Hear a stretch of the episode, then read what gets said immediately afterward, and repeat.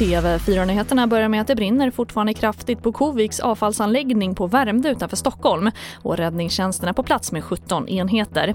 Branden startade i en sophög och spred sig till två flishögar och omkring 100 gånger 100 meter brinner. Enligt räddningstjänsten är branden under kontroll men man räknar med att vara på plats hela dagen.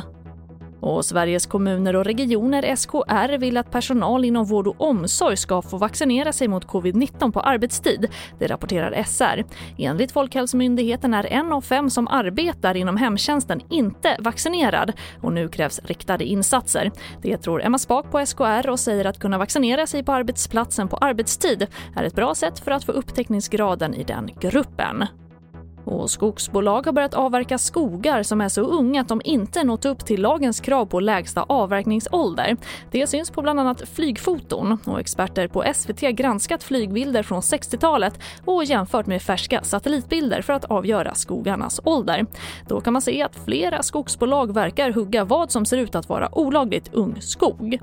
Och det får avsluta den här sändningen. Fler nyheter det hittar du alltid i vår app TV4 Nyheterna. Jag heter Charlotte Hemgren.